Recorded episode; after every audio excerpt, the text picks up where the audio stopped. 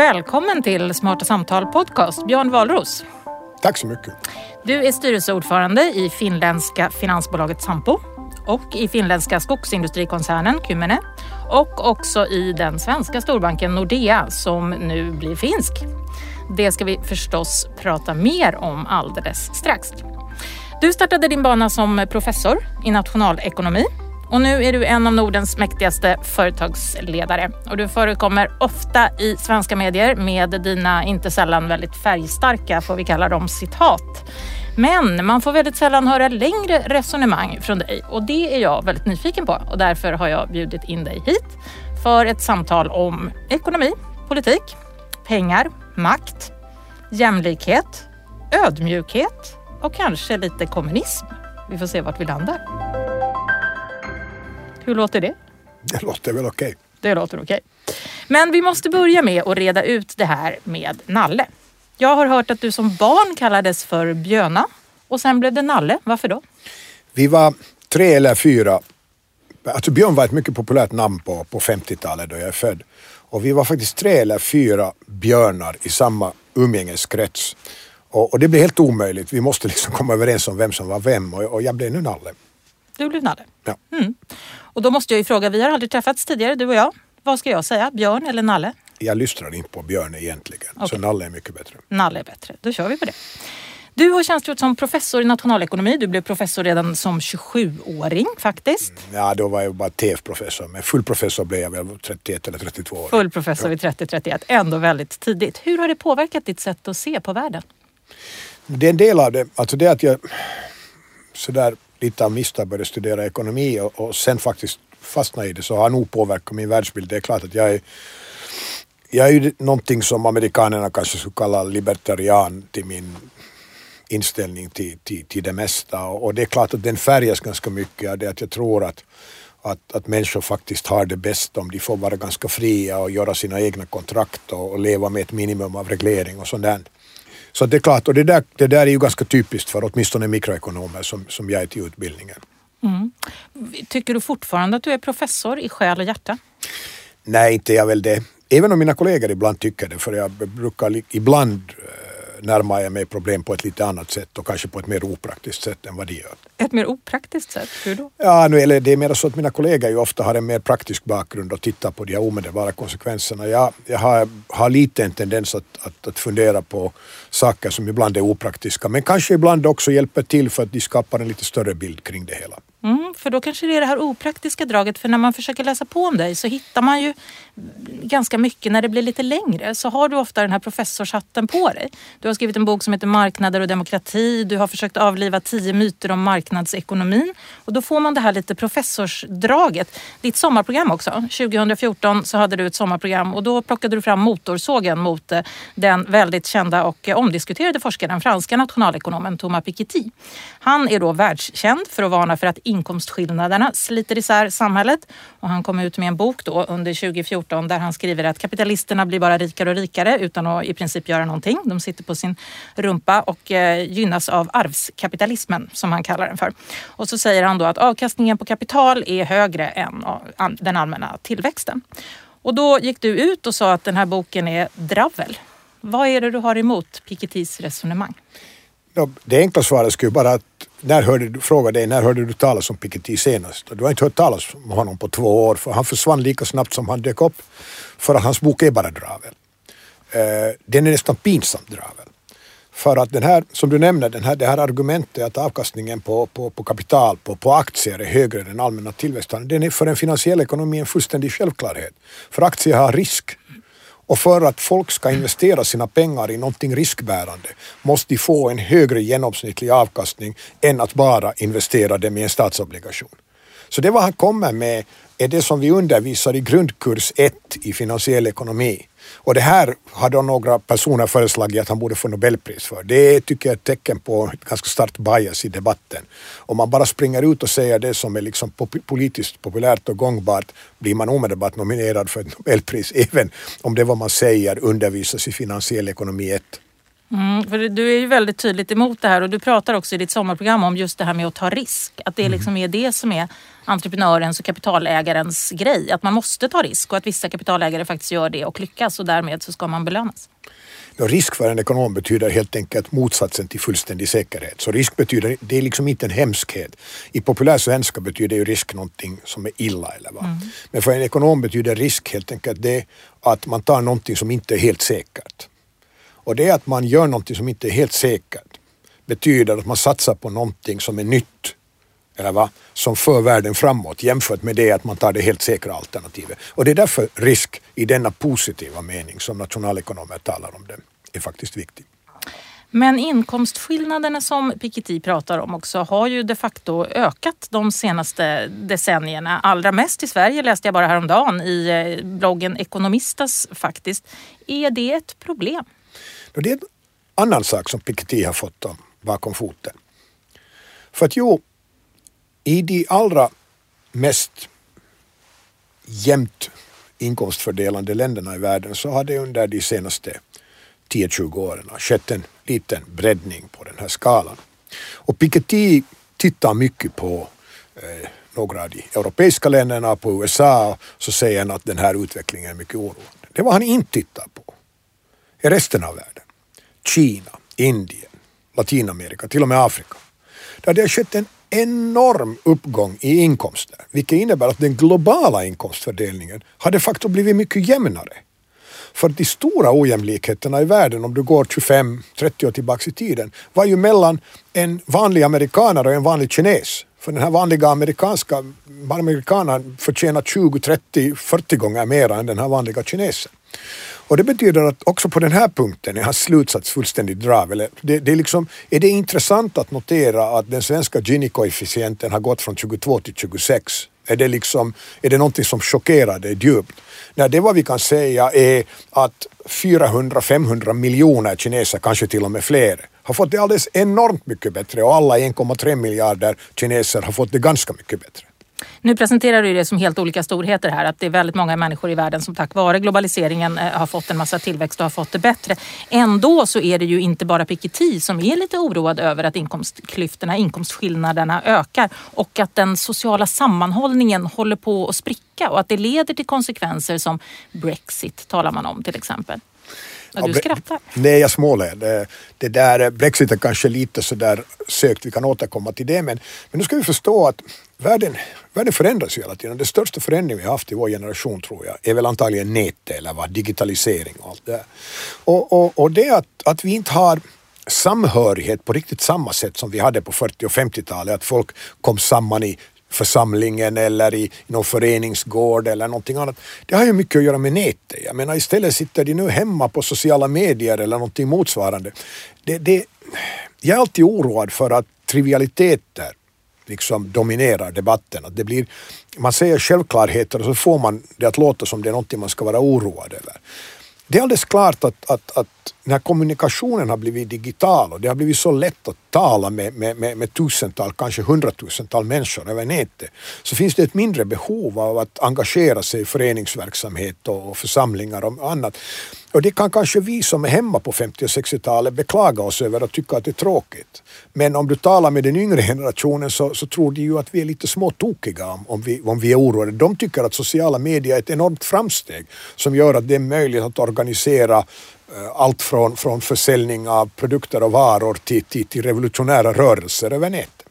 Men du säger till och med i något som jag har läst här att ojämlikhet är bra för tillväxten och att eh, folk som då har det mindre bra ska vara mm. glada när ojämlikheten växer för det, det menas att då finns det risktagande i systemet. Ja, om du tittar på den statistiska evidensen så är det ju ganska intressant att, att notera att alla experiment med extrem jämlikhet, åtminstone i termer av teknisk, sen kan de, jag tänker hänvisa till alla experiment med socialism, har ju gått åt skogen.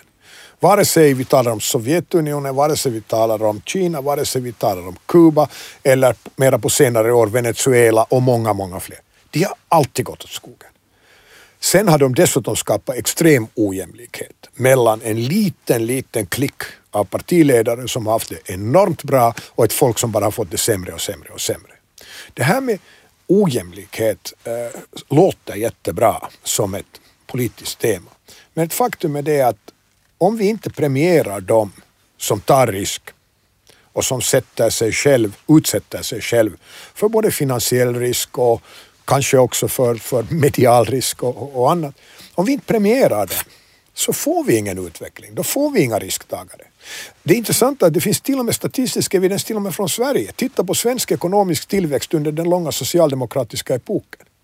Från 1960 till 1990 var den svenska ekonomiska tillväxten klart lägre än den finska och många andra på grund av att det svenska samhället utvecklades i en riktning där man inte premierar risktagare. Så vi hade för mycket jämlikhet och för lite risktagande och tillväxt? Åtminstone det senare. Ni hade för lite risktagande och för lite tillväxt. Och det här började sen ändra sig på 90-talet. Nu idag är Sverige ju ett ganska underbart land alltså, för ni är en ganska optimal kombination mellan social trygghet, mellan en välfärdsstat som nog egentligen låter ganska få liksom droppa mellan, mellan springorna i, i golvet. Och samtidigt har ni varit kapabla att förändra ett skattesystem och, och diverse andra, också er arbetsmarknad, på ett sådant sätt att ni har ganska jäkla stark, alltså betydligt starkare ekonomisk tillväxt än Europa i medeltal. Så det går att kombinera ändå någon slags jämlikhet och välfärdssamhälle med tillväxt? Naturligtvis går det och det är ju det vad, det är det vad hela den europeiska och nordamerikanska historien handlar om.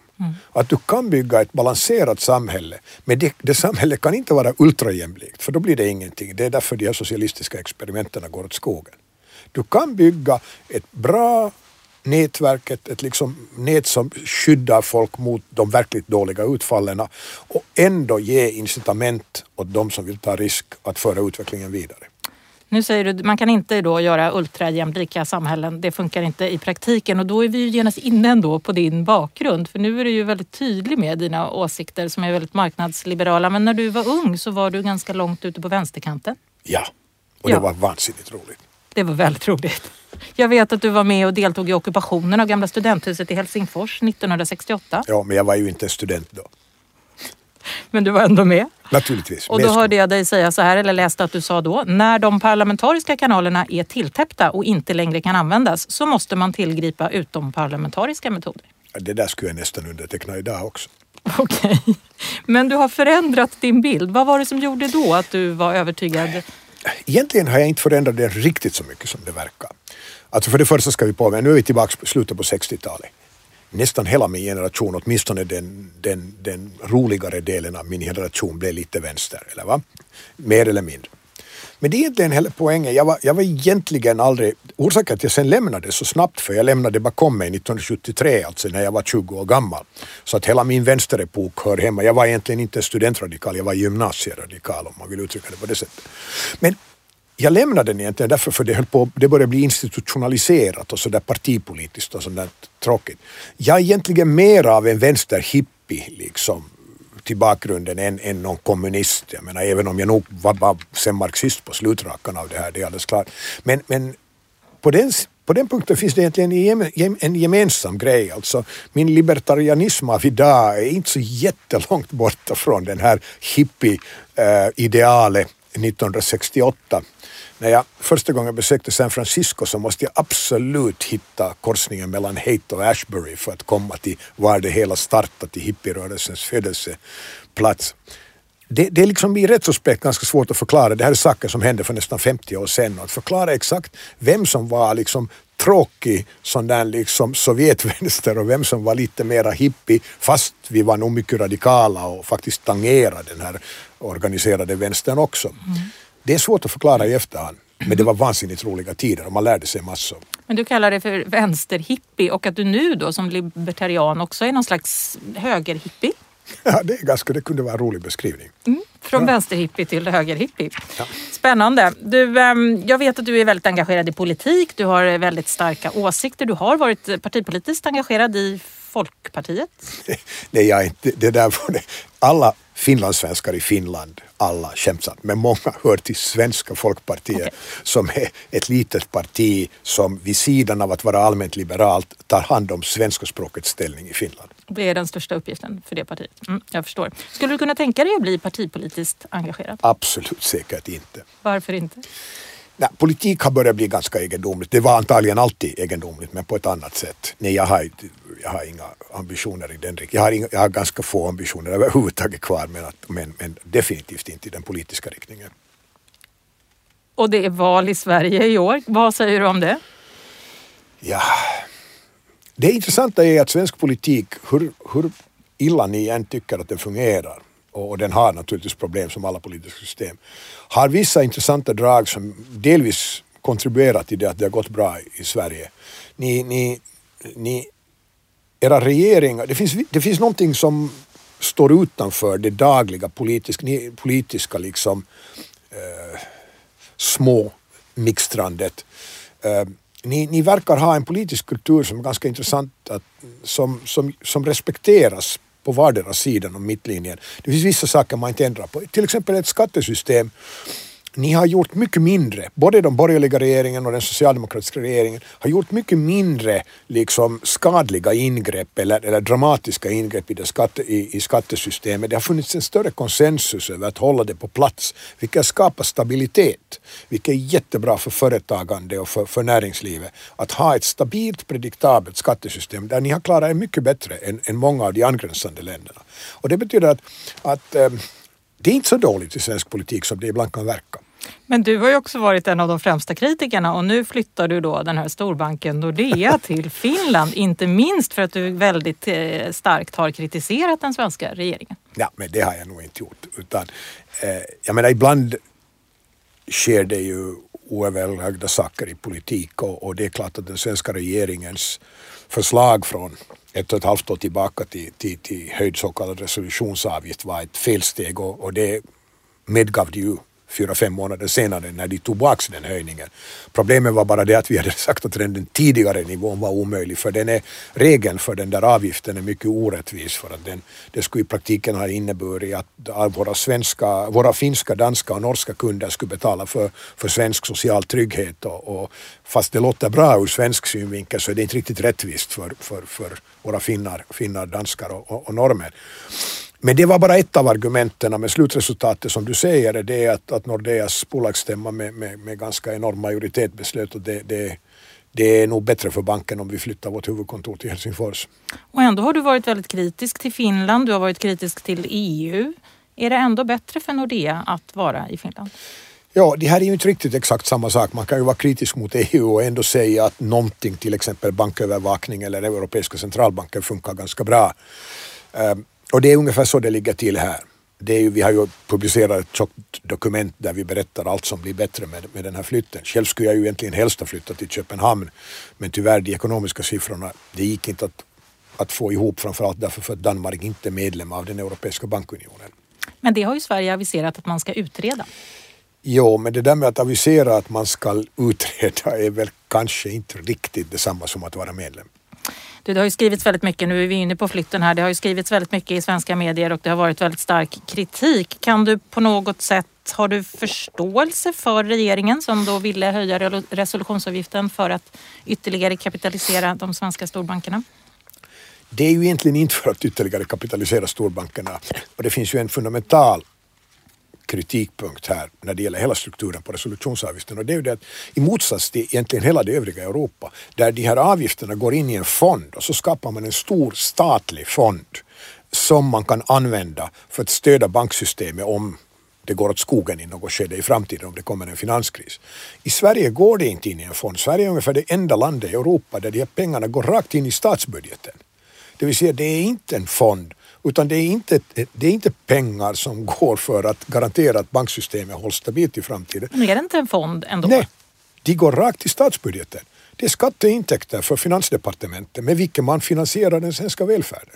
Och det är det du är mest kritisk mot? Nej, det, jag säger bara att det är en annan struktur och det är en struktur som inte ur banksystemets synvinkel, med stabiliteten i banksystemet, stabiliteten i, i, i, i det finansiella systemet, är det inte en bra grej. I Finland över hela EU inom den Europeiska bankunionen går alla de här avgifterna in som sagt i en fond och den finns sen där. Det är mycket trevligare att betala pengar in i en fond än att betala en svensk skatt, särskilt då 75 procent av betalarna är inte svenskar. Du menar det är trevligare. Hade du varit mer benägen att stanna i Sverige om finansministern hade gjort detta till en fond istället för att hon fick det i sin egen kassa då eller? Säkert. Hmm. Har du framfört det argumentet? Jo. Men det, här, det var en struktur som var på plats redan före jag började framföra de här argumenten. Vad har ni haft för, vad har du för relation till regeringen och finansministern?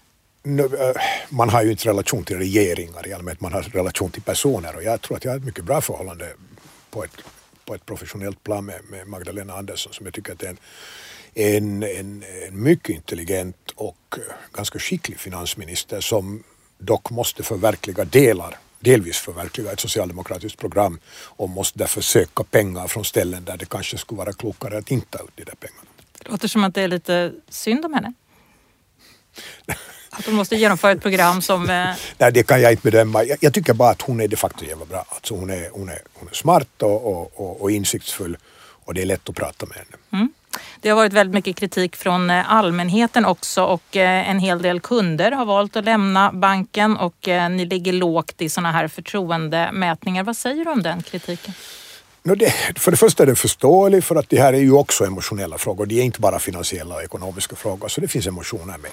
Själv ser vi nog ingen betydande kundflytt och framförallt om vi tittar på volymer av affärer så ser vi inget alls. Utan det är fråga om enskilda ganska, ganska små kunder eller med, med mycket lite affärer med Nordea. LO skulle lämna Nordea har vi hört. Ja, LO är inte en jättestor kund heller. Mm. Så, men det där, den är ändå en av de... Prestigefull kund. Antagligen, ja.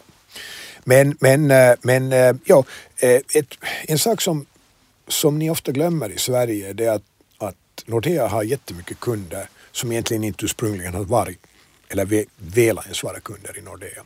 Vi är ju arvtagare till alla de banker som hamnade i kris på 90-talet. Nordea, den gamla Nordbanken, var ju statens samlingsplats för Gotabanken, PK-banken, Sundsvallsbanken och alla de här bankerna som ramlade i famnen på, på staten. Så vi har ju, i motsats till vad man ofta säger i Sverige, det är vi som har fått ta hand om statens problem och inte tvärtom. Vi sitter på en kundbas delvis från 90-talet som helst vill bara ha ett postgirokonto. Och nu har de ett Nordea-konto.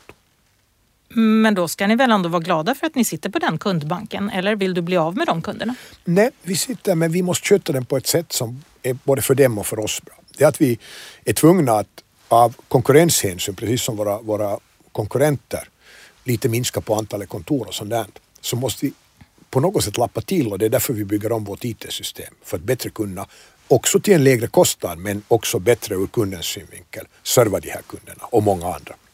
Det har ju varit ett väldigt högt tonläge i debatten. Hur väl tycker du att det speglar de diskussioner som ni har haft?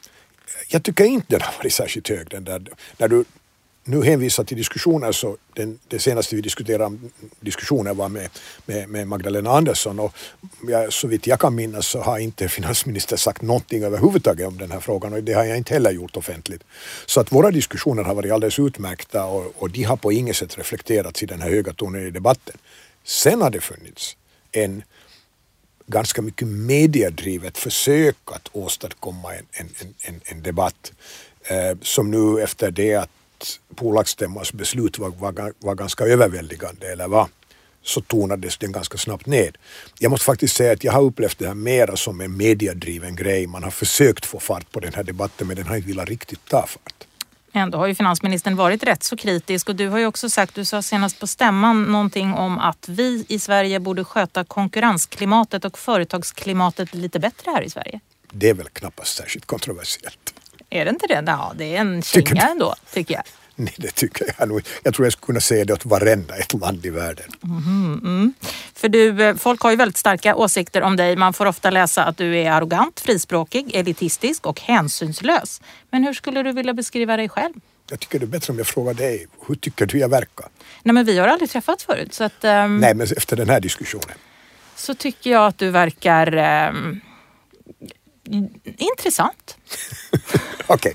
hur ska jag bemöta det här? Det där, det där eh, jag, tror, jag tror inte, jag menar det är klart jag har den stora förmånen att vara finansiellt oberoende. Jag lever kanske ett liv som någon kan uppleva som elitistiskt för att jag, jag reser mycket, jag har flera hem i, i flera länder och, och, och, och sånt där. Och det där är ju lätt om man vill liksom skapa en bild att den här mannen vet ingenting om hur man lever bland folket och så vidare. Så det är ju lätt att hänvisa till det där att, att nu tog han planet till London igen eller något motsvarande. Det där jag tror inte att människor som känner mig eller sitter och pratar med mig upplever mig som särskilt elitistisk eller, eller särskilt arrogant. Tvärtom så brukar jag vinnlägga mig om att försöka argumentera. Du har själv här i den här sagt att jag är lite professoriell ibland och, och det stämmer säkert också. Jag tycker om att debattera, jag tycker om att träffa människor. Sen är det en annan sak att på grund av att jag brukar debattera en massa saker som egentligen inte har med vår affärsverksamhet att göra så hamnar jag ibland i blåsten för jag har uttryckt en personlig åsikt som någon tolkar sen som Nordeas linje eller någonting sånt som inte har någonting med varandra att göra. Nej, jag, jag känner nog inte mig särskilt väl igen från de adjektiv som du, du där nämnde. En del av dem säkert och, och, och säkert är de genuina i den meningen att det finns människor som, som upplever mig på det där sättet. Du, eh, för du, du förekommer ju ofta i medier med ganska eh, färgstarka citat. Det, det, mest kända är väl det här att 80 procent av människorna är idioter, åtminstone när det handlar om pengar och finanssektorn handlar om att flytta pengar från 80 procent till de 20 som har idéer. Du har ju också varit ute i blåsväder för den här lägenheten som ni gav till dåvarande vd. För... Som vi ju inte gav, men det är en annan sak. Ni inte gav, nej, men ni eh, bistod med. Hur, hur ska man uttrycka sig då? Nej, alltså, det, det, var ju liksom lite roande för det var en del av en kostnadsnedskärningskampanj på banken. Mm. För Christian hade ju en tjänstelägenhet för han bodde i Köpenhamn och han hade en lägenhet som banken hade hyrt åt honom och den kostade dubbelt mer än den här. Så vi skar ner hans... hans... Så lägenheten för 22,5 miljoner var en nedskärning? Yes. Mm. För den kostade oss bara 50 000 kronor per månad och den tidigare hade kostat 100 000 kronor per månad. Han fick ingen lägenhet. Vi han fick en mindre hyran. lägenhet. Han, han hamnade att flytta in i en mindre lägenhet som vi betalar hyran på. Mm, ni betalade hyran på en mindre lägenhet. Ändå är det man läser av dig angående det det här citatet. Människor behöver faktiskt bo. 250 kvadrat kanske låter mycket för en redaktör men Christian leder faktiskt Europas femte största bank. Vilket också är sant och dessutom var det 260 kvadrat där och inte Dessutom 250. ett faktafel där. Mm. Men det var alltså en nedskärning menar du eh, i, i, kostnaderna. Eh, hur som helst så kallade du omfattande bonusarna 2010 för anspråkslösa. Du är ju känd för att vara ganska färgstark och du har också skrivit i den här boken som jag har läst, Marknader och demokrati, att under min tid i näringslivet så har jag lärt mig att förenkling och ibland provokation ofta är effektivare än hövliga resonemang. Men det är väl sant? Absolut. Så vad ska jag då säga? Det är bara det att det inte är så många som använder sig så effektivt av de provokationerna som du gör. Men det finns ju två slags människor. Alltså den optimala strategin om du kommunikator för näringslivet. Alltså då menar jag en rimligen seniorperson som då har rätt att välja sina egna engagemang. Så den effektiva strategin är ju att hålla den här kommunikationen på möjligast låg nivå för då hamnar du aldrig i problem. Och egentligen, det finns ingenting att vinna ur ditt företags synvinkel av att provocera eller vara särskilt eh, intellektuell eller lösa något problem i debatten utan egentligen handlar det i de flesta fall bara om att, om att undvika att bli insyltad i någon komplexitet. Men det där ligger inte riktigt bra för mig i allmänhet. Alltså jag, jag, jag det där, nej. Alltså då när jag specifikt talar, det, mitt problem är det att, att ehm, jag glömmer att påpeka när jag talar som privatperson och naturligtvis media älskar att röra ihop de här rollerna och resultatet är då det att, att när jag som du säger har pratat som citationstecken professor så blir det tolkat som jag skulle tala som bankdirektör sällan vice versa. Och menar, det, det, är inte hela världen, det är lite roligt tycker jag och sådär. Och, och, och jag har lyckats skapa en del spaltmillimeter som inte var meningen. Men, men det är väl nu det, man får leva med det. Och det retar också ganska många personer och du sa själv här att man uppnår kanske inte det man vill uppnå rent affärsmässigt med att vara så färgstark. Nej, men inte hade det nu sen någon större betydelse affärsmässigt heller. Men, men, men, äh, men som sagt, det, det genererar nog säkert ingen affärsmässig fördel eller något motsvarande. Det är många som är väldigt nyfikna på dig. Jag la ut en Facebook-post igår om att jag skulle träffa dig och eh, prata med dig och då var det någon som faktiskt ville att eh, du skulle prata lite om ödmjukhet. Ödmjukhet betyder flera saker. Och den vanligaste är ju, det är ju liksom en biblisk tolkning där man, där man liksom eh, de ödmjuka kommer att ärva världen och sådär. Det, det är något annat ord som, som finns där. The meek shall inherit the world. Det är liksom den engelska versionen av det. Um, ödmjukhet inför argument, inför fakta, inför människor och deras värderingar är enormt viktigt. Du, att sätta sig på en hög häst och negligera intelligenta argument, fakta eller människors preferenser är fullkomligt inacceptabelt. Men om ödmjukhet betyder mjäkighet så då är det inget bra. För har man ett visst inflytande, har man tunga förtroendeposter så tycker jag också att man är skyldig att förklara sig själv. Man är skyldig att ge en bild av hur man tänker och, och kanske till och med hur, en del av hurdana värderingar man har. Man är, man är skyldig det till sina aktieägare och kanske också till en, för en bredare publik. Och, och det att man gör det verkar ibland icke ödmjukt. Det blir liksom på det viset att man, man förklarar vad man tycker om någonting och så säger någon att ja, att, att det där var ju arrogant eller, eller hur kan du vara så säker på den där saken? Borde du inte vara lite mer ödmjuk? Så du, du kanske förstår vad jag menar. Det är jätteviktigt att känna ödmjukhet inför, inför faktaargument och människor. Men det betyder inte att man inte skulle ha en plikt att också säga vad man tycker och tänker. Man ska inte vara mjäkig säger du. Är vi svenskar ofta lite mjäkiga? Vi gillar ju sånt där lagom är bäst och jantelagen Nej, inte gör, ni, inte gör ni egentligen det. Utan det, det, det är nog mer så att under de många, långa åren då Sverige regerades mycket långt av ett parti så lärde sig två generationer svenskar att akta sig. Det är ju bara att eh, gå, det finns säkert ett halvdussin Dodde Wallenberg citat om, om, om, om vet du, verka men inte synas och, och, och allt det där övriga. Eh, som egentligen allt går ut på det att provocera inte makten och gör pengar istället. Och det där var mycket typiskt för de många långa åren fram till 1990-talet eller något sånt här. Men jag tycker att Sverige har utvecklats oerhört mycket under de senaste 25 åren i riktning mot en verkligt öppen, debatterande omgivning. Det enda stället var den här traditionen kanske lite finns kvar är just näringslivet, var man har lärt sig att det, det lönar sig att ligga lågt. Men den regeln följer inte du. Jag, ska vi säga, så att jag, jag är så dålig, jag, jag är liksom eh, 65, jag är så dålig på att lära mig så att jag, jag menar, jag, Ändå sitter du här med din padda innan vi började och läser franska. Håller du på att lära dig nu? ja, jag har försökt desperat lära mig lite franska. Ehm, du, eh, så här har du sagt också. I Sverige har ni mani på makt. Men det tycker du är fel. Det handlar om effektivitet. Och det där har ju mycket att göra med, med, med bolag. Om du tittar på hur media tittar på de här sfärerna i Sverige och sådär, så det handlar jättemycket om det, vem kontrollerar vad. Och, och ni är ju ganska exceptionella i europeiskt sammanhang i, i ert kraftiga stöd för, för aktieserier med olika rösträtt och sånt här.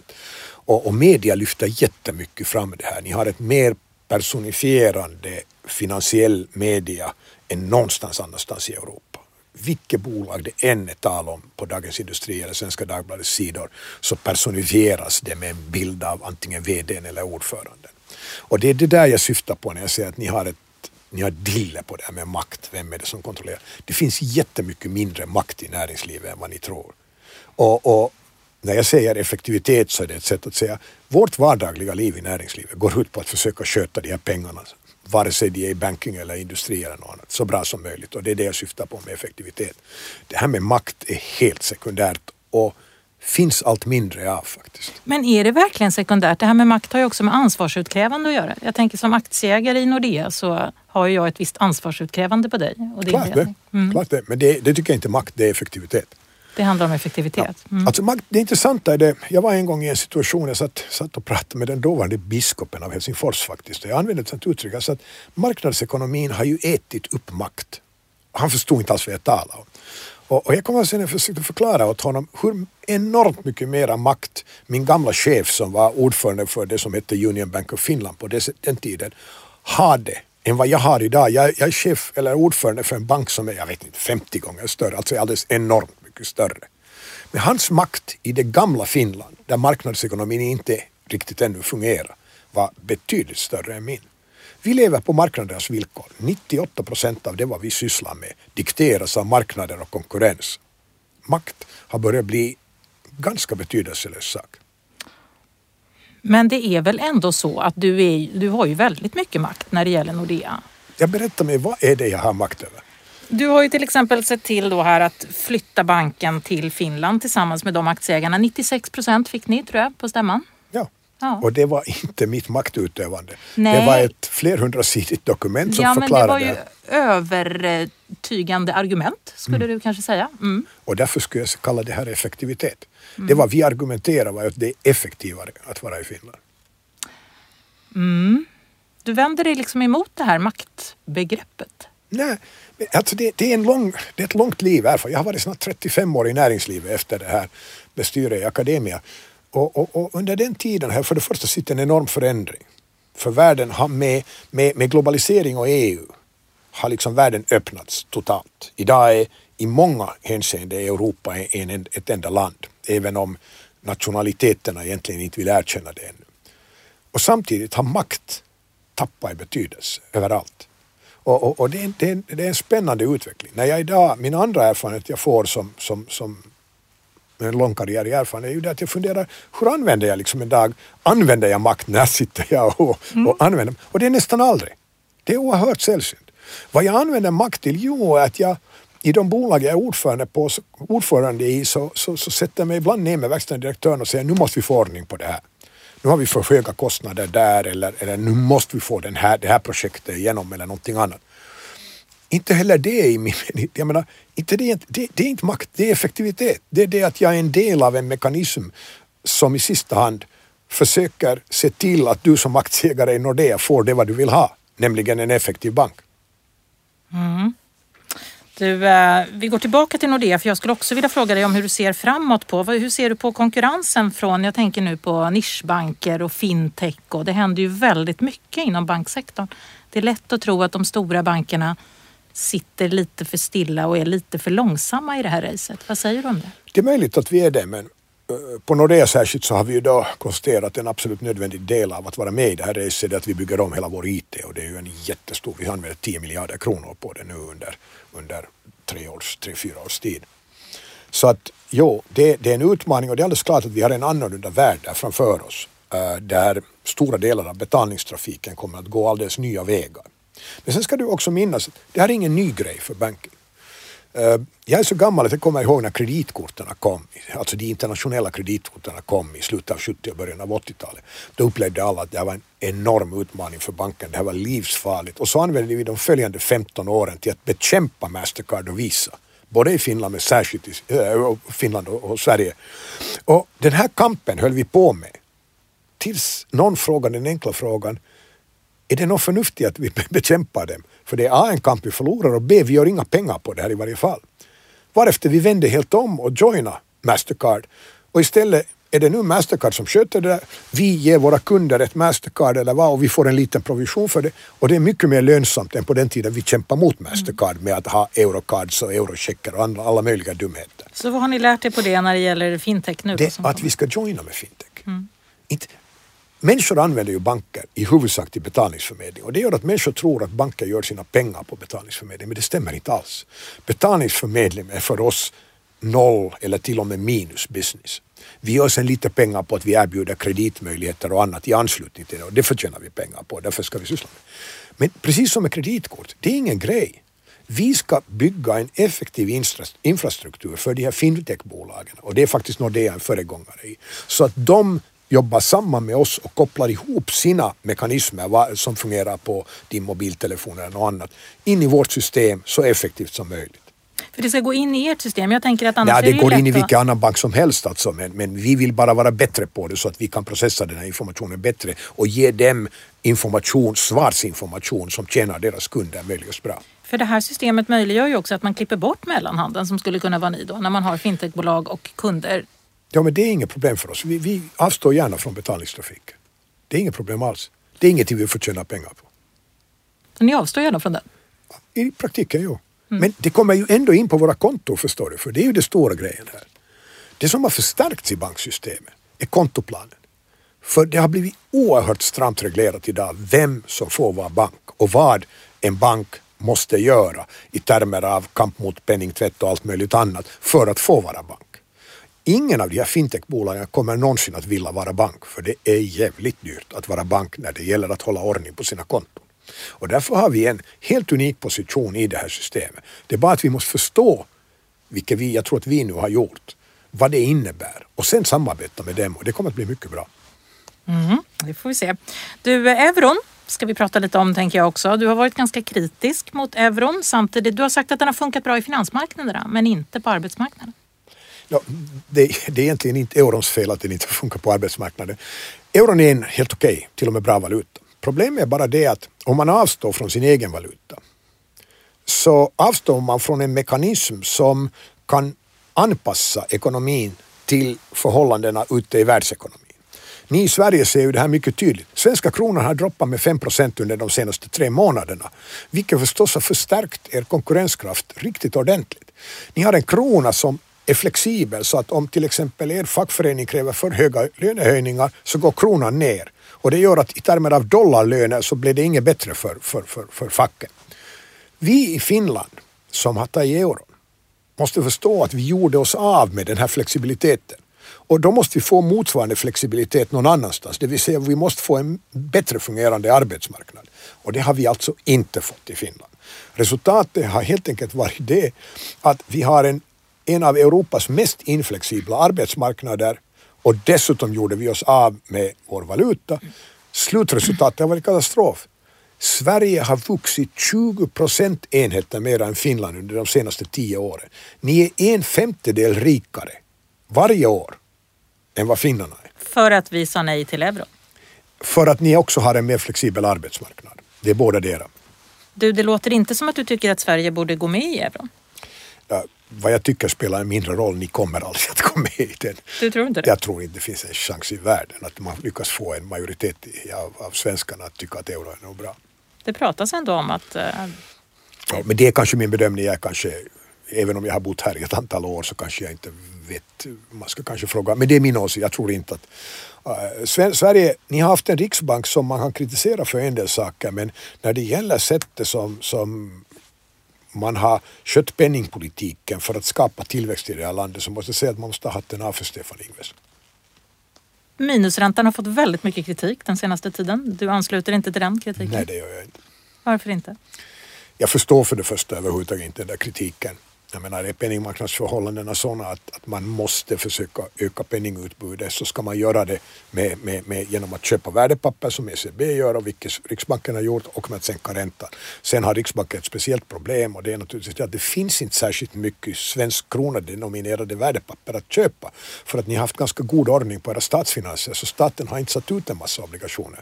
Så de måste kanske vara ännu aggressivare på räntesidan i och med att de helt enkelt inte kan köpa upp så mycket värdepapper om du tar summa summarum av det här så tycker jag nog vi är skyldiga, skyldiga Riksbanken i, i ett, ett ganska stort tack för en välskött penningpolitik. Sen kan jag vara kritisk på en del andra punkter vad de sysslar med, men det är ju är ju så gott som alla. Alltid det någonting att kritisera. Mm, men Riksbanken får beröm av dig. Alltså, du håller inte med då den här kritiken som säger att nu går vi snart in i en lågkonjunktur och då har vi liksom inget räntevapen kvar när vi redan ligger på minus. Det här med räntevapen det är en obskyr idé från en gammal keynesiansk värld där staten sitter på något rörsystem och vrider på några ventiler. Inte det så en modern fun värld fungerar. Du ser ju själv vad som har hänt att när det har varit lite oro om att den svenska ekonomin kör lite långsammare så har den svenska kronan droppat. Och det är mycket effekt, en mycket effektivare liksom flexibilitet än någon, någon ränta.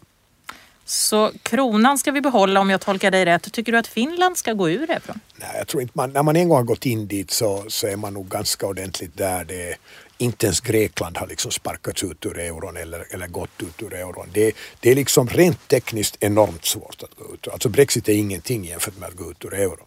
Och, och, och, så det är det. Och dessutom tror jag att vad jag skulle hoppas är att finnarna slutligen skulle förstå att de måste bygga den här flexibiliteten in i sin arbetsmarknad i och med att de har avstått från den i valutamarknaden. Och hur skulle det gå till?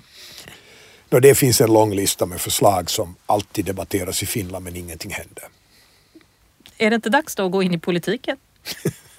no, säkert många finnar tycker att jag liksom är där på, i utkanten av det för jag har ju åsikter om det hela tiden men det finns nog ingen chans till det vare sig i Finland eller Sverige. Varför inte? Nej, det är nog inget bra. Politiken är tyvärr lite sönderslagen. Det, den fungerar inte längre på ett sånt sätt att, att man egentligen eh, jag menar, du ser det överallt i världen. Vi har ju egendomliga liksom, utfall. Jag menar, det italienska parlamentsvalet var bara ett, ett extremfall. Men det faktum att vi har Trump och Macron är ju ganska egendomligt. Båda har kommit totalt utifrån, lite på olika sätt. Men det faktum är ganska liknande program, vilket europeer ofta, ofta glömmer. Trump och Macron har ja. liknande program. Har ett mycket liknande program när det gäller avreglering och beskattning. Mm, men de har lite annorlunda framtoning skulle man kunna. Exakt, men det skulle man kanske ibland fråga sig varför blir det så. Jag är ingen stor vän av, av, av, Trumps framtoning och känner inte honom personligen. Men det intressanta är att det finns så mycket mer likheter och det är något som ingen tänker på i Europa. Mm. För du har skrivit i den här boken Marknader och demokrati också att man ska hitta den här perfekta mixen mellan demokrati, marknad och hierarki. Ja. Finns den? Var finns den? Det är det som är, är så förvånande idag. Att när jag skrev boken för vad är det, halvdussin år sedan så tror jag att jag skulle ha sagt att, eh, att jag, eller jag till och med kanske skrev i den, att jag är faktiskt lite oroad över det här med Kina och sånt här. Jag måste säga att, att nu börjar jag vara mest, nästan lika oroad över vad som händer i Italien eller, eller en del andra av de här länderna där demokratin börjar bli dysfunktionell. Eh, det finns teoretiskt sett någon slags optimal lösning här. Och, och, och, och, i, i Nordeuropa så tror jag att vi ännu idag kan säga att den optimala lösningen innehåller lite mera marknader och lite mindre politik än vad vi har idag. Men, men globalt sett så är det här nog fortfarande ett, ett, ett enigma. När man är i Kina, och jag har varit där alltid då och då för UPM Kymmene som jag är ordförande för har, har, har en av världens absolut största pappersfabriker där.